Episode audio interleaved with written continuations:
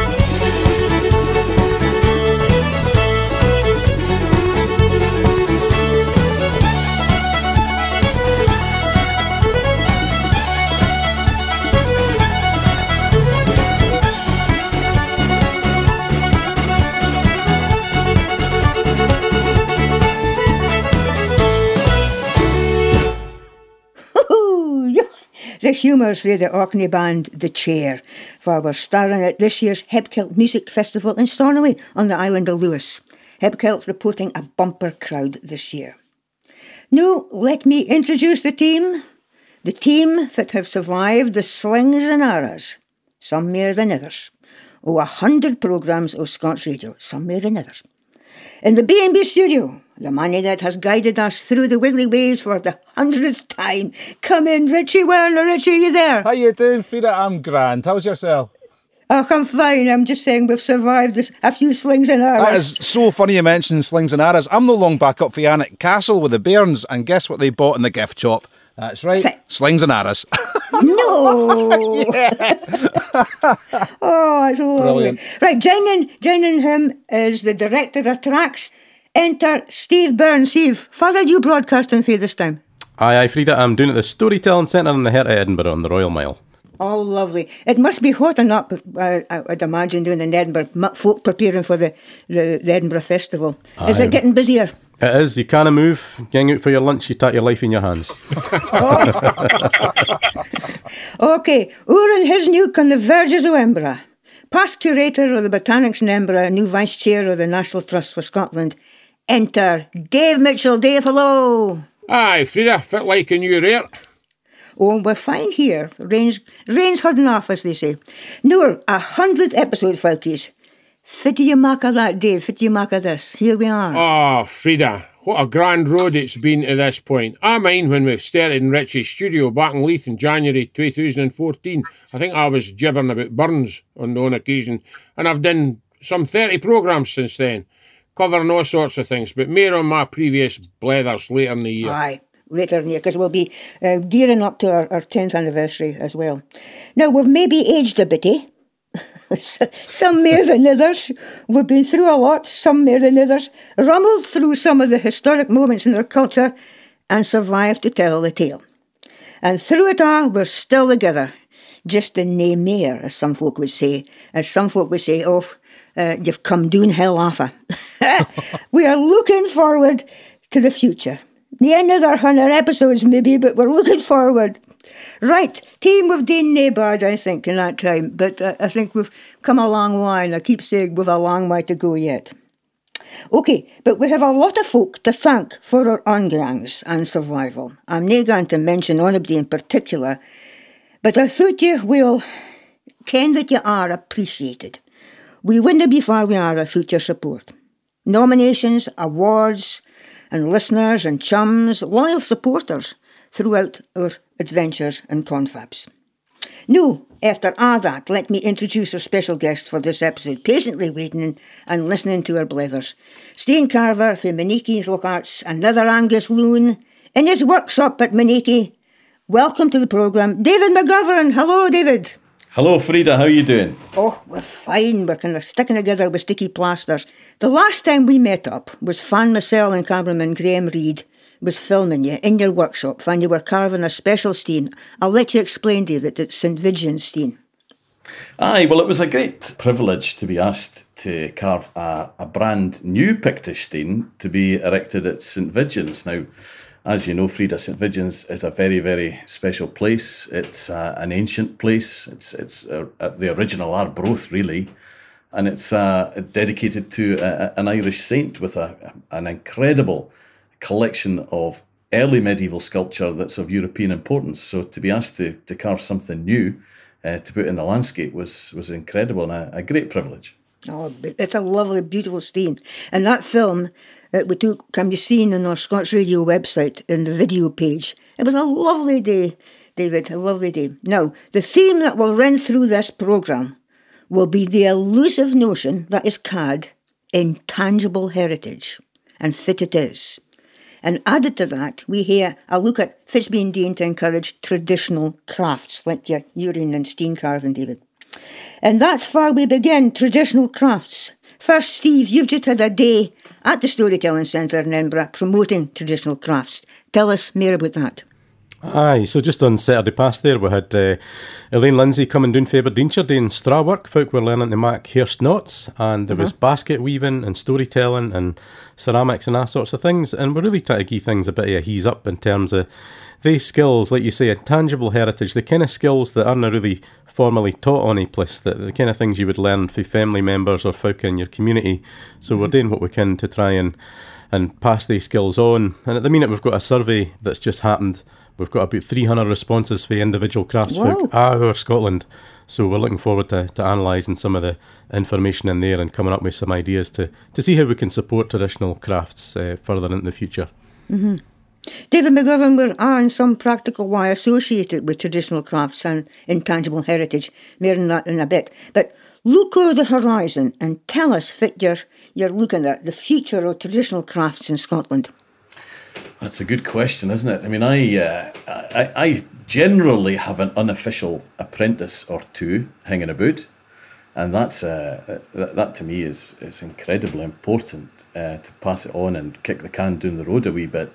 But you know, we, we we've got a full order book, so you know we're we're, we're doing something right. And uh, I'm turning out apprentices every couple of years who go off and, and, and do their own thing, whether it's Norse carving or uh, brand new stuff. My present apprentice is very good at doing sort of visionary carvings, so he's doing his own thing.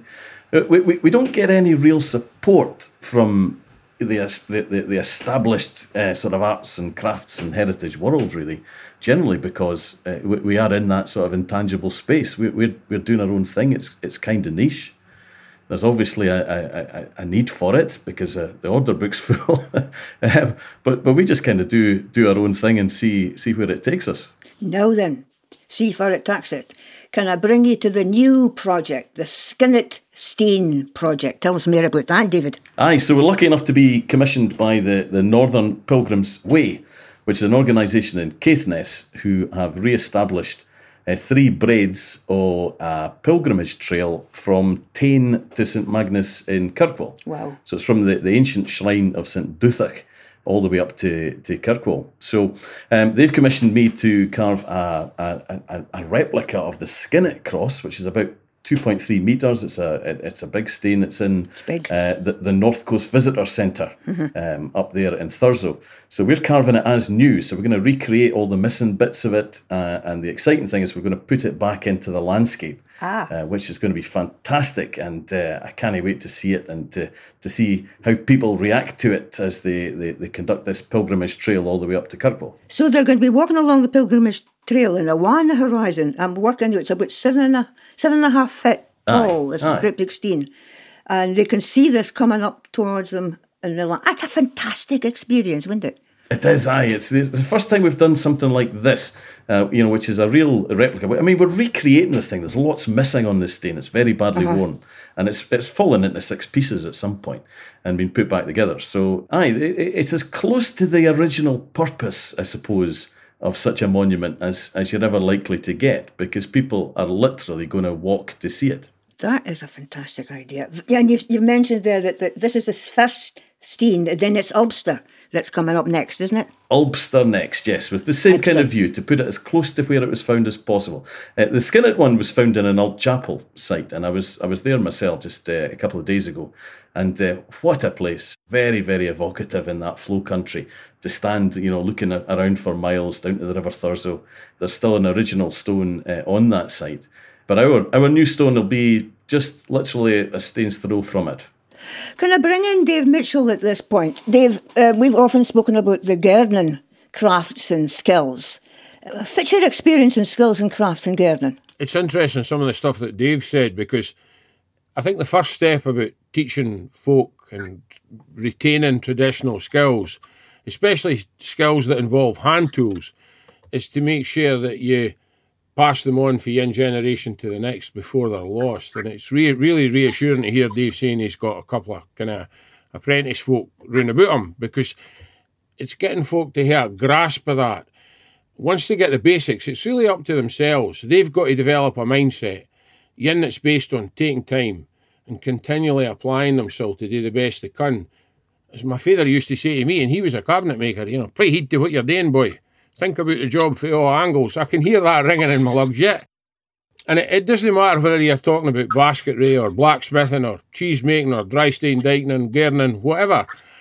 You know, as regards the garden, things like double digging, folk would just look at you, they wouldn't ken what you meant. Cordon sweet peas, a lot of folk will know I've done it. Grass, grafting fruit trees, layering, propagating mm-hmm. alpines a lot of folk, certainly in the gardening world, are going back to the old gardening books that were written before the First World War, and they're trying to find more sustainable ways of doing things to work with the environment rather than against it. Going back, Steve and I have spoke about this before, using glass cloches rather than plastic cloches, using clay mm-hmm. pots instead of plastic pots, using compost without peat. You know, just thinking about working in harmony with the world, working in harmony with the garden, in harmony with the climate. And uh, to me, the, it's about taking time. And I think that's something that David will probably understand because, you know, I'm aware of David's work. In fact, there's, there's a piece of his work in my garden. And, you know, you didn't make stuff like that without taking time and enjoying what you're doing. Can I go back to, to David McGovern just for a minute there? Um, David, what, do you think we've lost in your in your skill? What's, what's lost in the steam carving world? I'm not sure that's uh, an awful lot uh, that that's lost. I mean, there aren't many people doing it for a start, oh. but but there's maybe more than you think. so, you know, I mean, I can think of maybe four or five people uh, in in Scotland that, uh, that that are traditional stone carvers. You know, carving are things for letters to historical things to the kind of stuff that you would might be commissioned by a museum to carve and public uh, monuments and they're all brilliant and they're all kind of just uh, doing their own thing, you know. So the, the skills haven't been lost. I mean, they're not. The, it's not a complicated business. The, the, the machinery involved is a is a is a sharp bit of metal and a, a hammer to hit it with, you know. So uh, and and I think most of the people that are doing what I do kind of started themselves and, and maybe had a wee bit of tuition along the way, but mm-hmm. kind of just picked it up and went for it themselves. So it's very very organic. And and, and bear in mind, there's this massive body of work behind us. Everywhere you look, there's carved stone, some of the best of it in, in graveyards. Aye. But, uh, you know, we're picking up on, on traditions that are very, very old. But there's been there's been times when people haven't done it anymore, you know? I mean, Pictish art. But we'll look at Celtic art. You know, it disappeared pretty much in Scotland at the Reformation and didn't start again until the 19th century and the, the Great Celtic Art Revival. Mm-hmm. Now, some folk would say being devil's advocate, why bother? We're in a new era, digital and computer and soon to be artificial intelligence. Uh, is there a point to doing traditional crafts? Oh, yes, absolutely. I mean, in as much as there's a point in, in, in doing anything traditional, it, it, it makes us happy to be to be making things for a start, right? We're complex problem solving creatures and it does us good to be picking things up and making stuff out of them. So, um, you know, for example, I do some work for, for museums. If they want me to recreate something, it's generally as new. So it's imagining what it would have looked like when it was when it was brand new. Now there isn't a a 3D printer in the world that can do that for you. You could argue AI might work that out eventually. But at the end of the day, you, you, an object's got to have a story. You know, if you want uh, if you want to simply recreate something the way it is, you could 3D print it, scan it, 3D print it. It's very easy to do. It's probably quite cheap. But if you want to learn something about how the thing was made, then you need somebody to be standing in front of it, macking the thing, and to be able to tell you the story afterwards, and to learn something about how the thing was made in the past. Okay, Steve, do you want to come in there with something? Just to echo what David's saying, really, insofar as you can, there's a whole well-being aspect. Again, sometimes uh, some of the, the workshops I've been involved with, things we've had here at the Storytelling Centre, is is folk that maybe has has other things going on in their life, maybe dementia or other uh, health issues, doing things with your hands actually.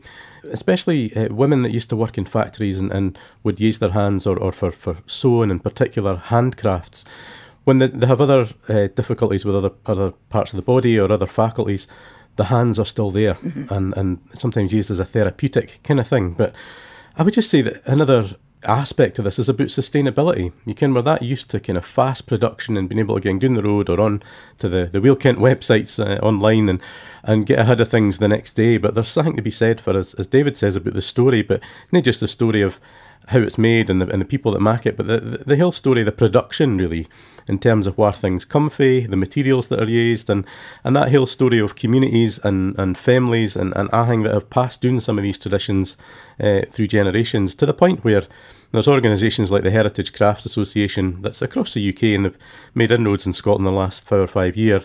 They've, I think, had the, the red list of endangered crafts, and every twi year there's a list comes out and just tells you just the sorts of things that we're talking about that are kind of teetering on the brink sometimes, and so they get involved in apprenticeships and gain folk grants to go off and learn how to revive particular crafts. And I think it's important to to, to think about that, and uh, especially the, the whole environmental sustainability, the mm. localism, getting things produced locally. But we do have to think about how we can do that in a sustainable way and an affordable way as well, because there is a danger that things, you know, there are some crafts makers out there that you would you would kind of call them uh, almost boutique in terms of some of the pricing and things.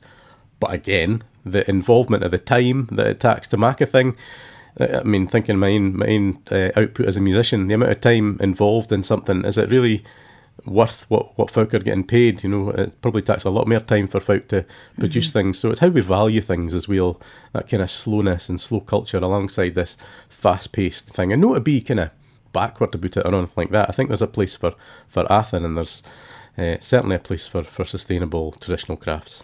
I'm going to bring Dave Mitchell back in there because Dave, remember, we talked about this uh, a wee while ago. And the emergence of folk starting a new career in crafts has, has come well to the fore, hasn't uh, it? That's very interesting, Frieda, because, you know, as regards gardening, we're actually seeing a lot of apprenticeships and you know people coming forward for that foundation training a lot of them are career changers they're people in their 30s and 40s even that have had you know sometimes quite high powered jobs in the city or you know in offices or you know a very different way of life and then what they're seeking is a different quality of life for themselves, a different pace of life. They're looking after their own well being. And through looking after their own well being, they're then using gardening to look after the well-being of others. I mean, in the last couple of weeks, I've been at a couple of really nice sites. I was at the Wall Garden at Inverewe, and actually the person that manages that um, came into gardening a little bit later. And it's a wonderful garden. It's you know the precision, the craftsmanship, the skill that's there, the way that the person has observed the climate, and you know to work with the climate and is growing fruit and vegetables and shrubs it's a picture, but you can see the visitors going through it. And as they're going through it, they're slowing down, they're taking time to breathe, and they're coming out and they're feeling rejuvenated. They're feeling better than they did when they went into that space. And the same thing's true mm-hmm. in the newly opened Rose Garden at Crathes. Yeah, I think out of the pandemic, a lot of people have reset their own clock I'm just thinking there, Dave, that uh, no, we've we've maybe missed something out in the whole of the of the intangible skills or the traditional skills, in that maybe especially for gardeners and growers, is how to read the sky, and the sky is very important in the weather patterns. It's something that we've lost. We've lost that skill. I think for young gardeners, having that understanding of the weather I mean, Kat, my wife, often laughs at me because I'll tell her, I'll say, it's going to rain the next 20 minutes. And she say, how do you know? I'll say, I can smell it. I can see it. And I, I, nine times out of ten, I'm right. But that's because I've lived with it all my life. I can see what's coming. But there is a science to it as well. And, you know, reading the clouds, looking at the wind direction, feeling the temperature, just being in tune with the environment.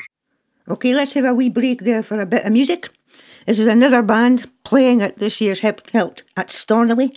It was you know our favourites, and uh, we played this band quite a, a few times over the years. It's a local band called The Tumbling Souls.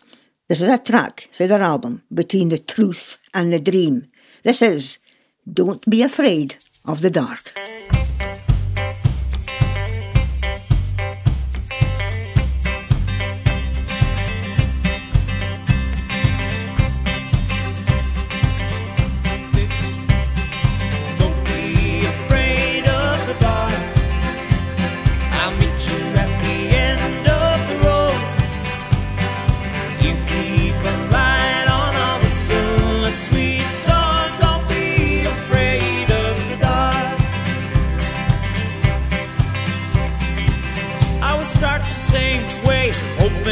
stay. Maybe a gale will come and the ferry won't sail. But when I open up my mouth and heart to sing, my worries for a time slip away.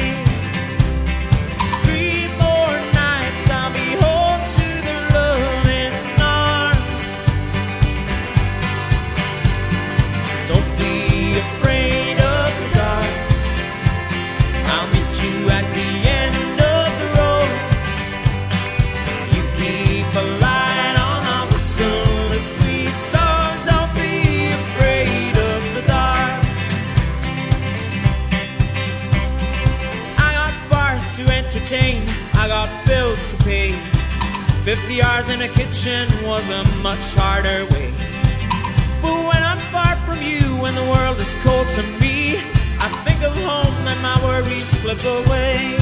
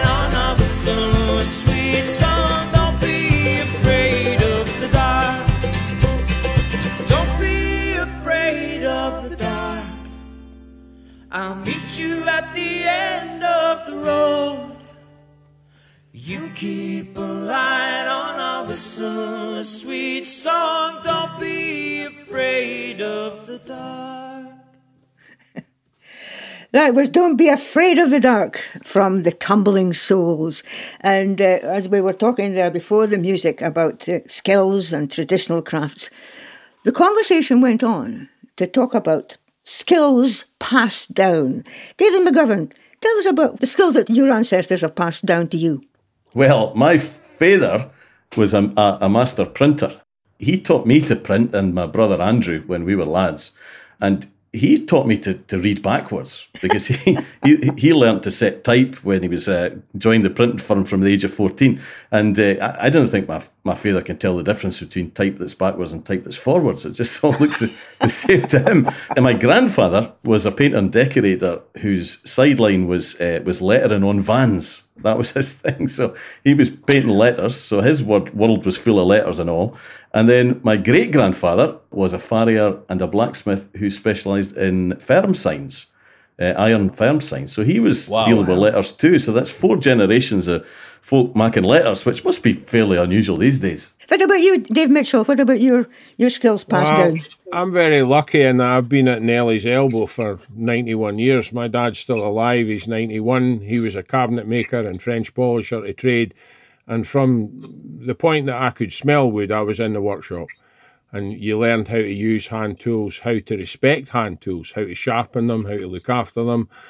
You know, every day you were encouraged to you know, to practice and to try and get things right. And I think that's where my love of wood carving came from. I'm not the furniture maker that he is, but it's amazing when I go to do something how all of the things that he taught me just come back to mind. And he was a wonderful gardener. I mean, we did cordon sweet peas with him and double digging for dahlias and you know he he still manages his garden today. And you know I remember pricking out seedlings and making compost and all that stuff from a very young age. But I think mm-hmm. looking back what was the greatest lesson he taught me? It's to apply yourself and think about what you're Aye. doing Richie, what about you? What have you been uh, taught from the past? Well, actually, do you know, I've got quite a lot in common with Mr. McGovern there. For uh, my grandfather was a painter and decorator, and uh, so funnily enough, I, I know know quite well how to handle a brush, how to load it, how to cut in. I didn't use masking tape or anything like that. And right enough, it's my fallback trade. But even more interestingly, my great grandfather was a, a lithographer and printer with Thomas Nelson's. And right enough, there I was a month ago in the good weather, lifting up the old path in the back garden and putting a new patio down in here. What did I find? I found about 13 lithographing stones still with the ink on them underneath. Wow. And reading it backwards, by the way, going, that's a whiskey bottle. But there you go. Oh, So I've got all them sitting at the back. Fantastic. I'd love to see them. I'll send you Aye. pictures, David. I, I should point out as well that I, I made a terrible printer and I'm not very good at painting and decorating either. But you're, a, you're an We've half a got- good we've stone got- We've carver. got the skills. Uh, you're, you're good at what you're doing, David. Right, now, traditional crafts closely aligned to that is the concept of intangible heritage. No folkies. Fit is it? Fad is it? Far is it? Steve, I ken there was a conference recently about that very subject. More on that in a bitty. Now, earlier I spoke to storyteller Jackie Ross for Doric Books Publications and asked her to give me her interpretation o intangible heritage? Well, I think it's um, if I if I ging and look at definitions, it would be like non-physical intellectual wealth. Aye, what does that mean? No, it's Nina Weiser. Nina we? Weiser, We're Nina. Weiser, Frieda. No, but I think it's it's things that are important in cultures, but they're nae tangible. They're nae begins.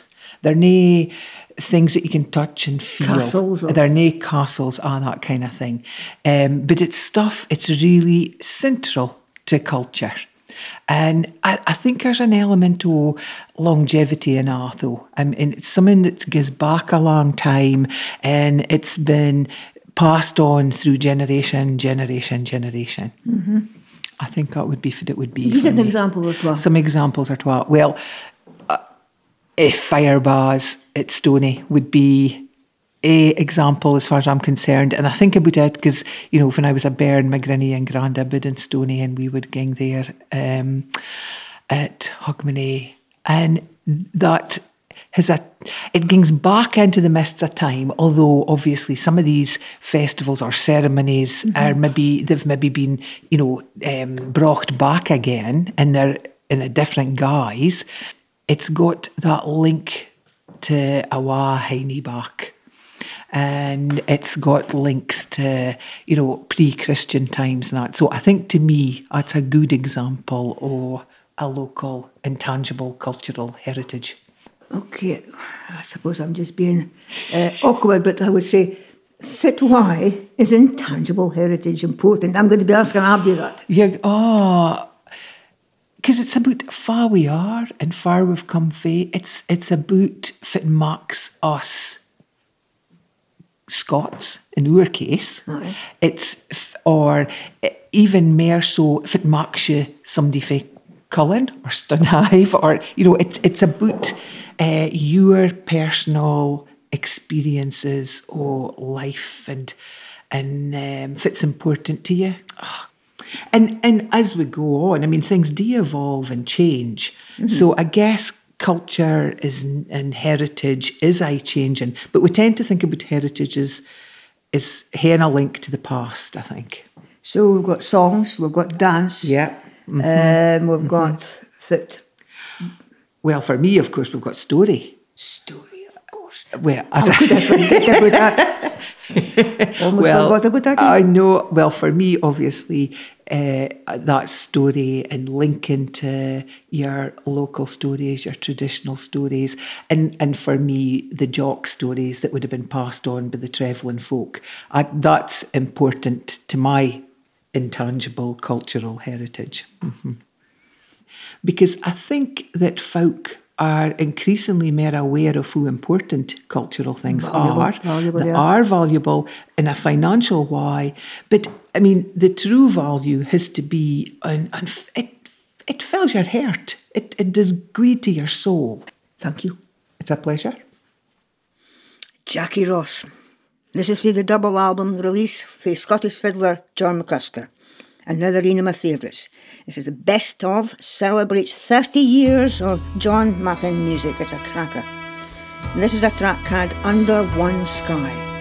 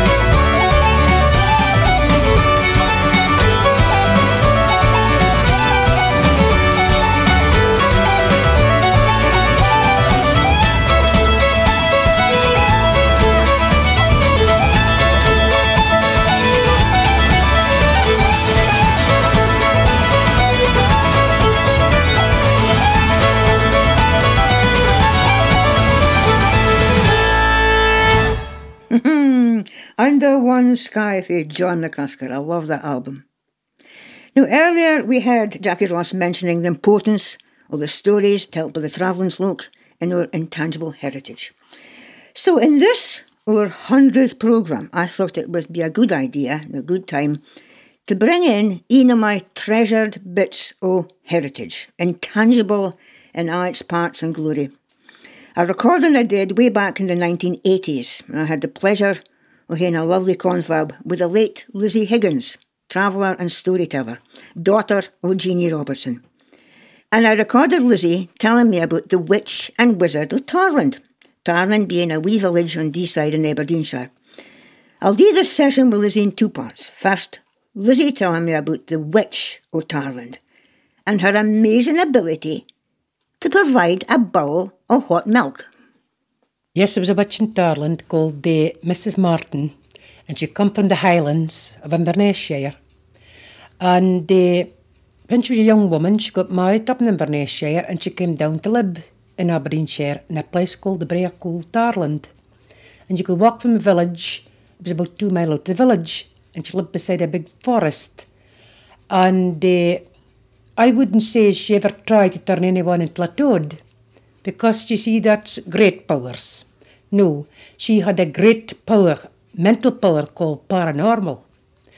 And she loved to get a child and learn a child her paranormal. Did you ever see any of her powers? I saw her power in actual uh, go one time, but I'll keep an open mind.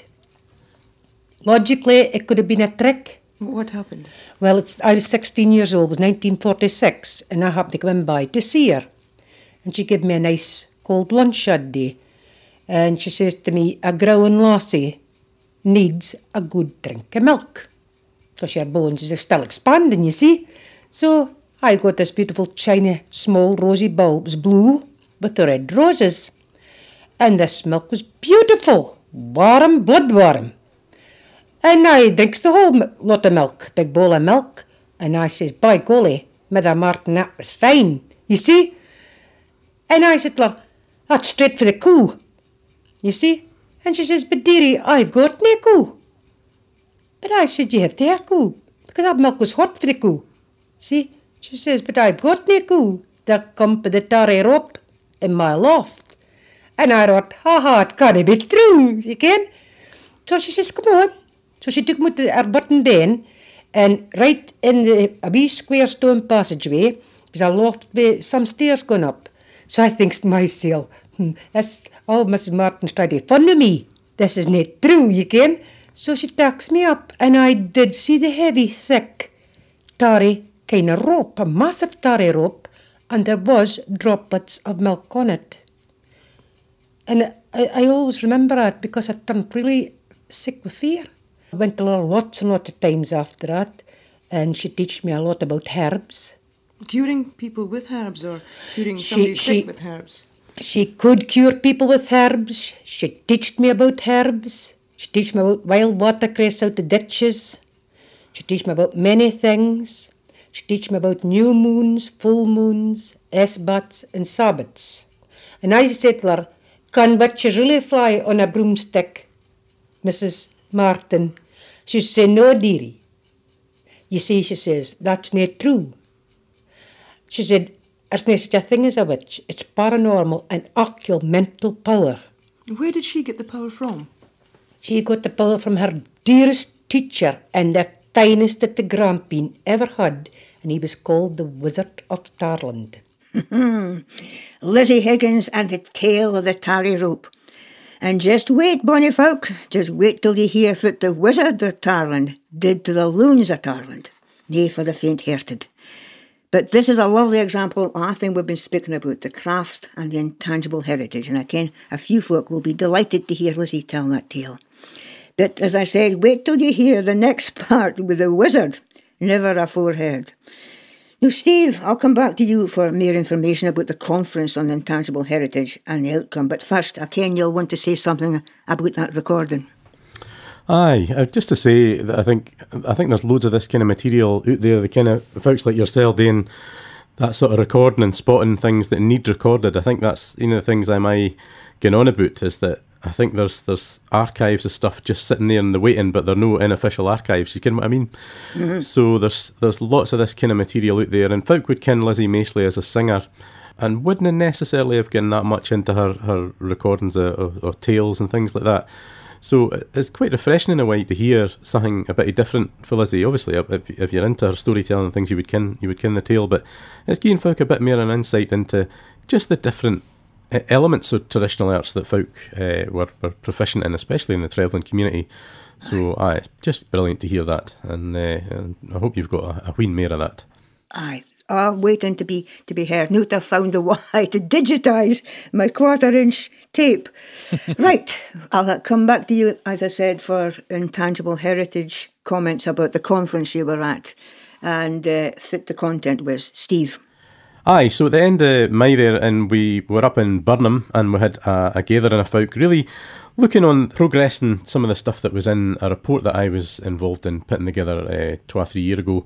Uh, today with this concept of intangible cultural heritage. And folk that doesn't ken what that is, it's a, a thing that was brought about through UNESCO. Uh, today with international kind of protection of culture, really. Discussions that have been going on for decades over the world about how traditional cultures could be looked after.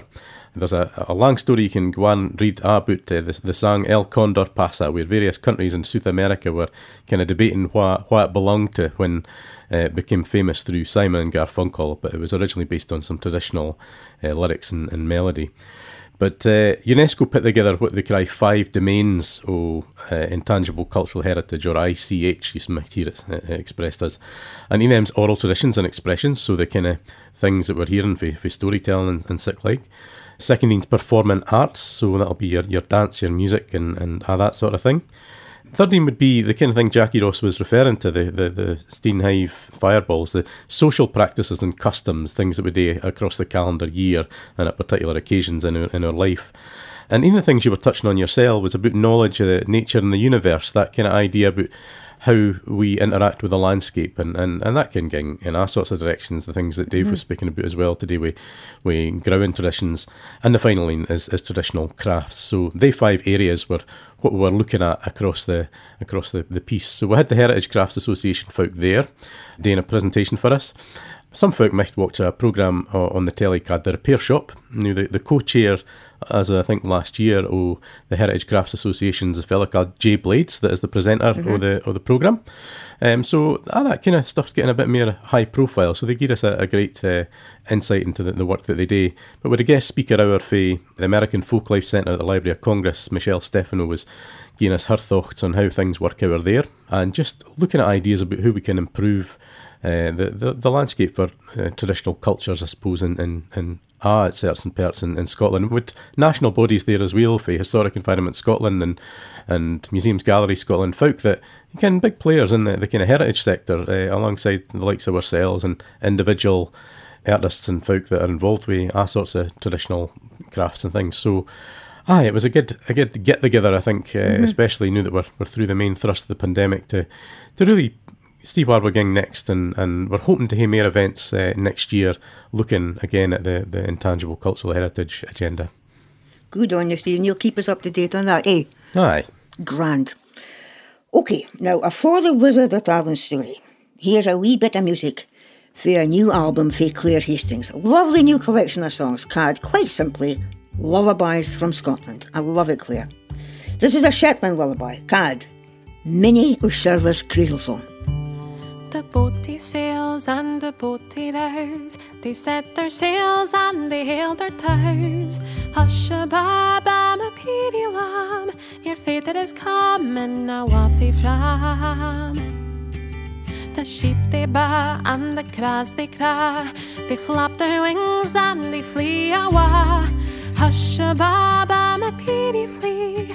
All thou be coming, we shall to thee.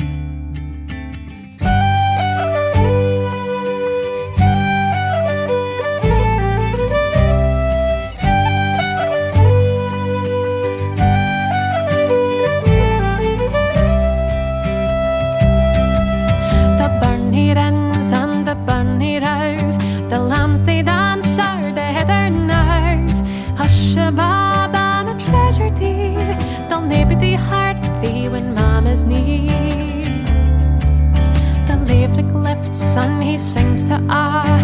The winter comes with a cold and snow. Hush a baba, my pity flew. Lang Willie has loo in the the door.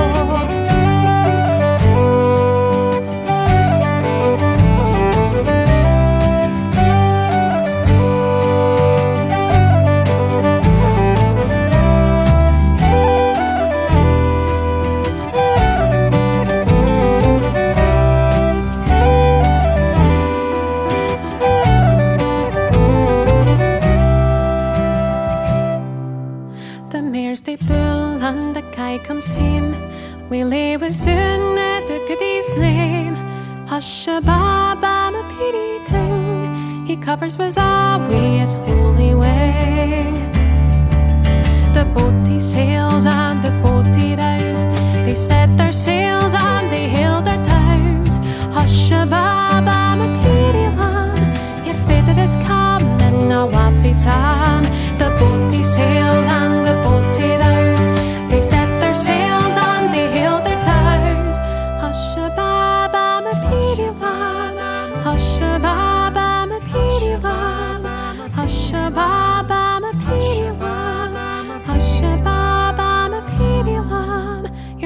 is coming,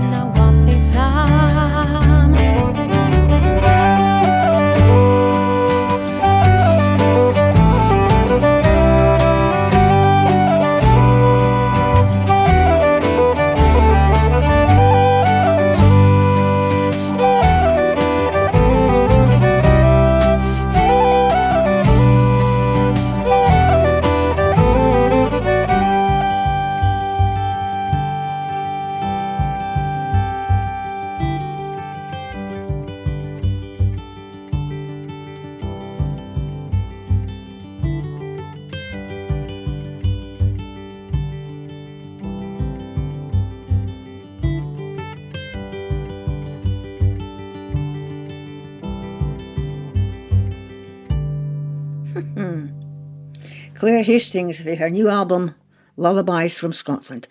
Lovely album and lovely arrangements, Claire. New folkies, are you ready for the second part?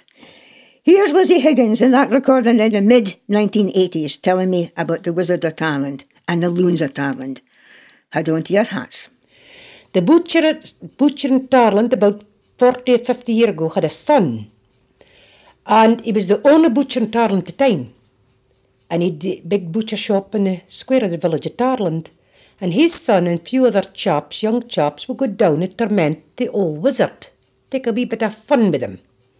And they walked out the two mile to have a wee bit of fun with the old wizard and the old so-called witch old Mrs. Martin next door. So they aggravated them and threw stones at their, their windows because they both had two thatched button banes joined on each other. So the was a come out, and I'll tell you what he looked like. He was about five foot, with a long grey beard down to his two knees, very tiny, with the bonniest blue eyes I ever saw. Because I was a great friend of his too. And I was a giant beside him. Now I was only a kid of 15 when I first met him. He was tiny. And he said to the butcher's son, You'll pay for this. Because he said, You'll all stick fast there morning. Needless to say, the five young men at Tarland stuck fast till morning. They couldn't get released till he come out in the morning and released them. Stuck fast to what? Stuck fast to the road, they couldn't move. Now he come out at dawn and he released them. They gets home and the butcher's son fell seriously ill with pneumonia because was a winter night that this happened on, and it took a doctor of Tarland a few weeks to put the young man upon his feet. So some of the people in, in, in the village of Tarland went to Aboyne, the village of Aboyne, and they were Catholics, the Tarland people, some of them, and went to their own village priest in Aboyne, Catholic village priest, and told them what had happened to some of the young lads who was having fun on that frosty night a few weeks before that. So the village priest in Aboyne said, Well, I'll go up and I'll see Mrs. Martin and the wizard, and I'll have a talk with him, a chat with him, not to fear the young people, you know. So he went out, and I knew this village Catholic priest because I was 12 when I met him, because my mother, Jeannie Roberts, and I were both Roman Catholics. I don't know if he's alive yet or not. And he told my mother the story from his own lips. He spent a few hours in the wizard's house with the wizard of Tarland and Mrs. Martin. And when he came out, he says, My God, they've turned my hair grey. Turned the hair grey. Lizzie Higgins and her tale of the witch and wizard of Tarland for Enema Treasured Recordings, Dean way back in the mid 1980s. And I thought that would be a fitting addition to this or 100th programme of Scots Radio. And I was just thinking eh, can, eh, if we would maybe use that magic wand just before we finish this programme. David McGovern, if you could use a magic wand, fit future would you want for your traditional craft? Oh my goodness, that's a bit of a curveball, isn't it? Fix your future, David McGovern. I, I, I had a vision. uh, uh, Somebody once asked me, uh, "Do you think anybody would ever commission you to carve a full-size Pictish stone?" And I said, "Don't be daft." and yeah, I, I, and I then was commissioned to carve that big stone at uh, which is nine foot and took a year. Uh, uh, and then I changed it to well, I'd like in my lifetime to maybe do two or three of these, and and, and we're now up to five. So uh, the the plan changes all the time. Um, I, I'd quite like to do a, a, another few brand new design Pictish stains. You know, keeping the thing alive, because uh, th- th- that's that's the future for me. Is it's doing something new uh, that that brings the imagination, but with the convention uh, and the understanding of the, the of, of how Pictish stains were designed and all the, the, the iconography and imagery that, that, that that's come come afore us and putting it together into something that, that hopefully means something the, the day. That's what I'd like to be working on uh, in the future. Right. Something just occurred to me as well. I'm a practical kind of buddy. How are you going to transport the steen from Monikie up to Caithness? 30 strong boys are going to uh, lift it. no, we're, we, we, we have the obviously the benefits of uh, of, of forklift trucks and, uh, and high-up trucks to, to take it up there. And, and and this is the thing, Frieda, we, we, we're no shy of using a bit of modern technology, but No, for the, no, no. the, the, the right things. So, well, you know, the stain is quarried and cut in a, in a modern way, gets to the workshop on a truck. Uh, we use a forklift truck in the workshop, uh, but we, we, we have at it with, uh, with hammer and chisel. And we, we, we carve all of the, the heritage stuff uh, that that way. And there's there's no shortcuts. And uh, there's, there's just the patience of starting work on a thing that you can only be finished for about seven or eight months. Patience, the patience. Now, I'm just thinking you didn't have 30 slaves pulling the steen as, as Herod would have done, or the, or the pharaohs would have done, kind of dragging it. Did I give, I give him ideas? well, well, it's funny, isn't it? Because folk are, are, are I wondering how they moved stuff around and things, and, and the internet will tell you it was I aliens and and visitors uh, from other places, and uh, you, you never find that kind of conversation on a stonemasons uh, discussion site because they can. If you've got enough boys and a couple of lads in charge that can how to move stuff, then uh, it, it will be moved. It will be moved. What about you, Dave Mitchell? Fix your, your magic wand wish.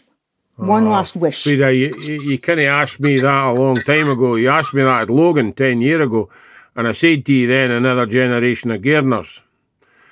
And I, I, I think I'm awful pleased. You know, the last year I've been across the country a lot, places like Branklyn and Kellie and Pitmedden and Fyvie and Crathes and Inverewe, all airs. And I see it. I really see it happening. The wheels started to turn. So, oh. what would I want now? I just want folk to appreciate Gairners Mayor because they deserve to be respected and highly valued. They garden the earth, they provide our food, they look after our welfare. They're good for your heart, the heart of the community, and the heart of the nation. They deserve our Good oh, respect. Okay. Steve, magic one moment. Well, my wish would really be that folk were more in touch with their local culture, their local ways of doing, and, and feeling confident in it, uh, insofar as that, that would give them the tools to kind of engage with cultures from other parts of the world and ken that your own local distinctiveness is just as valuable as any place else. And I just think that we were more geared up to actually tell the story of where we come from uh, and help other folk to share their stories. And ideally, I'd like to, to hear legions of field workers going out and collecting all the stuff that's happening Legions.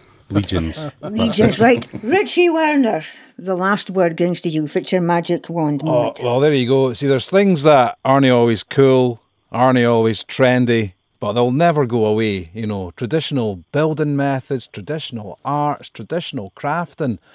You know, we've got to keep that alive somehow and keep on passing that down through the generations. And whilst it won't always be cool, it won't always be trendy, it'll always be important and we'll always need that as a strong foundation for passing on to future generations. So Oh, well that's my wish. We keep the carrying stream going. I thought you were going to say another hundred episodes of Scots Radio. Well, it's on the tip of my ah. tongue, Frieda. You've blown it now, Richie. You've blown it. He's blown it. That was the test. blown it. We're right, look, As folk will say, oh, they've come doing hell offer. That's That's it. the usual, usual. See that Lassie Morrison? She's come doing hell offer. Listen, it'll be it'll be episode 250 before you can it. 250, 250. and that takes us nearly to the end of this episode. And we have special music to finish the programme. We leave you with this track from Martin Bennett's album Grit. Martin's beautiful version of Lizzie Higgins, who we just heard telling us the stories, singing her iconic song, The Blackbird.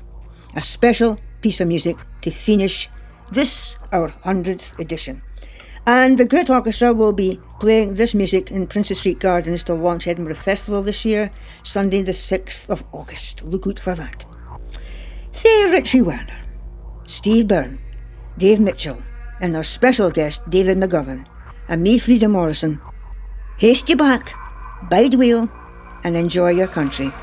Bye the new.